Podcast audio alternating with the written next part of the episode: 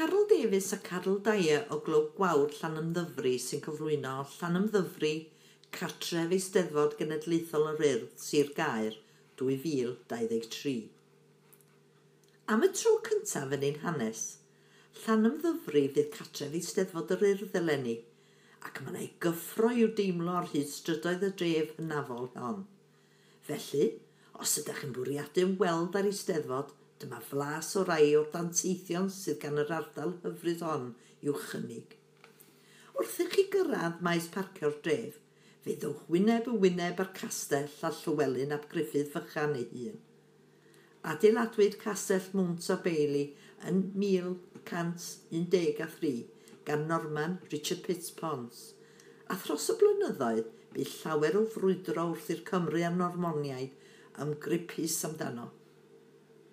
Gerllaw, mae cofeb drawiadol Llywelyn ap Griffith fychan. Gŵr fi'n ceisio twyllo brenin ar i'r pedwerydd er mwyn i Owain Glidwr cael cyfle i ddianc i Wynedd. Ond collodd y brenin ei ymynedd a gorchmynodd i Llywelyn gael ei lusgo i lan ymddyfru. Yno, cafodd ei ddiberfyddu a'i dynnu'n bedwar aelod a phen wrth y grochben o flaen pyrth y castell ond gofiar, ryn ni yma o hyd. Wrth i chi gerdded sy'r dref, fe ddewch heibio i amgueddfa llan ymddyfru, y ganwyll, sy'n cael ei chynnal a'i threfnu gan wirfoddelwyr.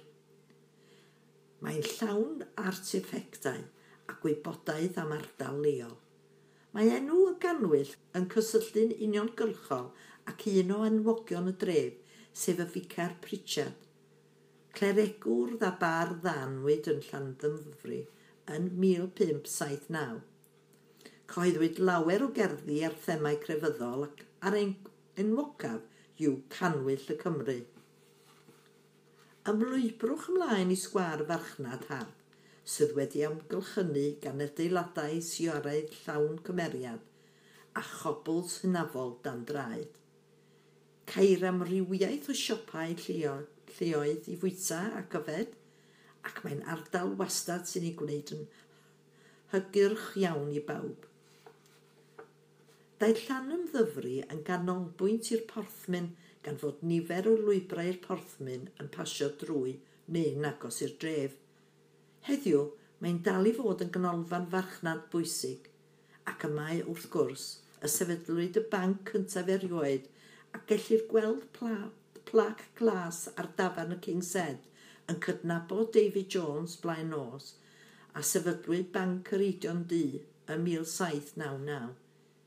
Unwaith yn barod ei gyngor i'r porthmyn oedd y ficar Pritchard a dyma pennill bach. Os dwyt borthman, delion onest, tal yn gywir am y gyfaist. Cadw dair na thor ddaddewid, gwell na gair mewn cod yw credyd. Mae'r porthmyn dal yn gyfarwydd yma'n llan ymddyfru, oherwydd dyna'r enw sydd ar ein tîm rygbi lleol, clwb oedd yn aelod sylfaenol o Undeb Rygbi Cymru. Wrth gerdded o amgylch, byddwch yn siŵr o sylwi ar goleg llan ymddyfru a sefydlwyd yn 1847 mae'r rhestr faith o Gymru enwog wedi derbyn ei addysg yno yn ser ar y byd rygbi, haneswyr, cerddorion, actorion a llawer mwy. Ar fryn uwch ben y dre, saif eglwys Llanfair ar y bryn, ac fe fyddwch y medru ei gweld o faes yr Eisteddfod. Yno, yn y fynwans, mae bedd y per caniadu ein hymynydd a'n mocaf Ganwyd William Williams yng Nghem Coed ym mhlwyf Llanfair ar y Bryn yn 1717 ac o 1748 buef ei wraig Mali yn byw y fferm pant y celyn.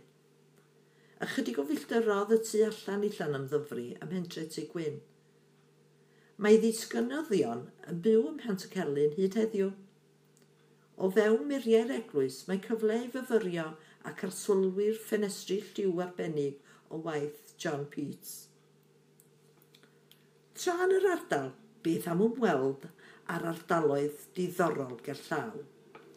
Er yn bedra bychan yng Nghysgod Banau Brechiniog, mae myddfain enwog am hanes a threftadaeth drwy feddygon myddfai a chwedl Llyn y Fan.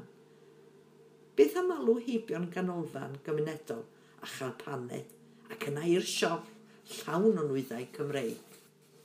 Os trowch eich sylw i gyfeiriad cynghardu, fyddwch ar draws traffont harddaf Cymru. Pont Rheilffordd a gafodd ei adeiladu yn 1867 i 1868 yw traffant cynghordu. Mae ganddi 18 bwa yn ymestyn dros 305 metr o hyd a 33 metr o uchder ac yn wir yn werthu gweld. O gyngordu anelwch tuag at randi mwyn ac at farchodfa adar dinas, ac yno hefyd mae cuddfan Twm Sion Cati, Lleidr Ffordd, Penwocaf Cymru. Cymeriad dirreidus a lwyddodd i dwyllo'r cyfeithog er bydd yr ai angenus. Parchusodd erbyn diwedd ei oes – a dod yn faer Aberhonddu. A chyd o, filldyroedd i'r gogledd o ogof Twm Siocati, mae llyn, brianne, ardal dawel, hudolus a phrydfer. Adeiladwyd cronfa ddŵr llyn brianne ar ddiwedd y 60au a dechrau y 70au yn bennaf i ddiwallu anghenion Abertawe a'r Cylch. Yn bendant, rydyn ni yma yn Llanymddyfri yn barod i chroesawu'r steddfod gan obeithio byddwch yn medru crwydro i ddarganfod y cyfoedd sydd gan yr ardal i'w chynnig. Mwynhewch yn ein plî.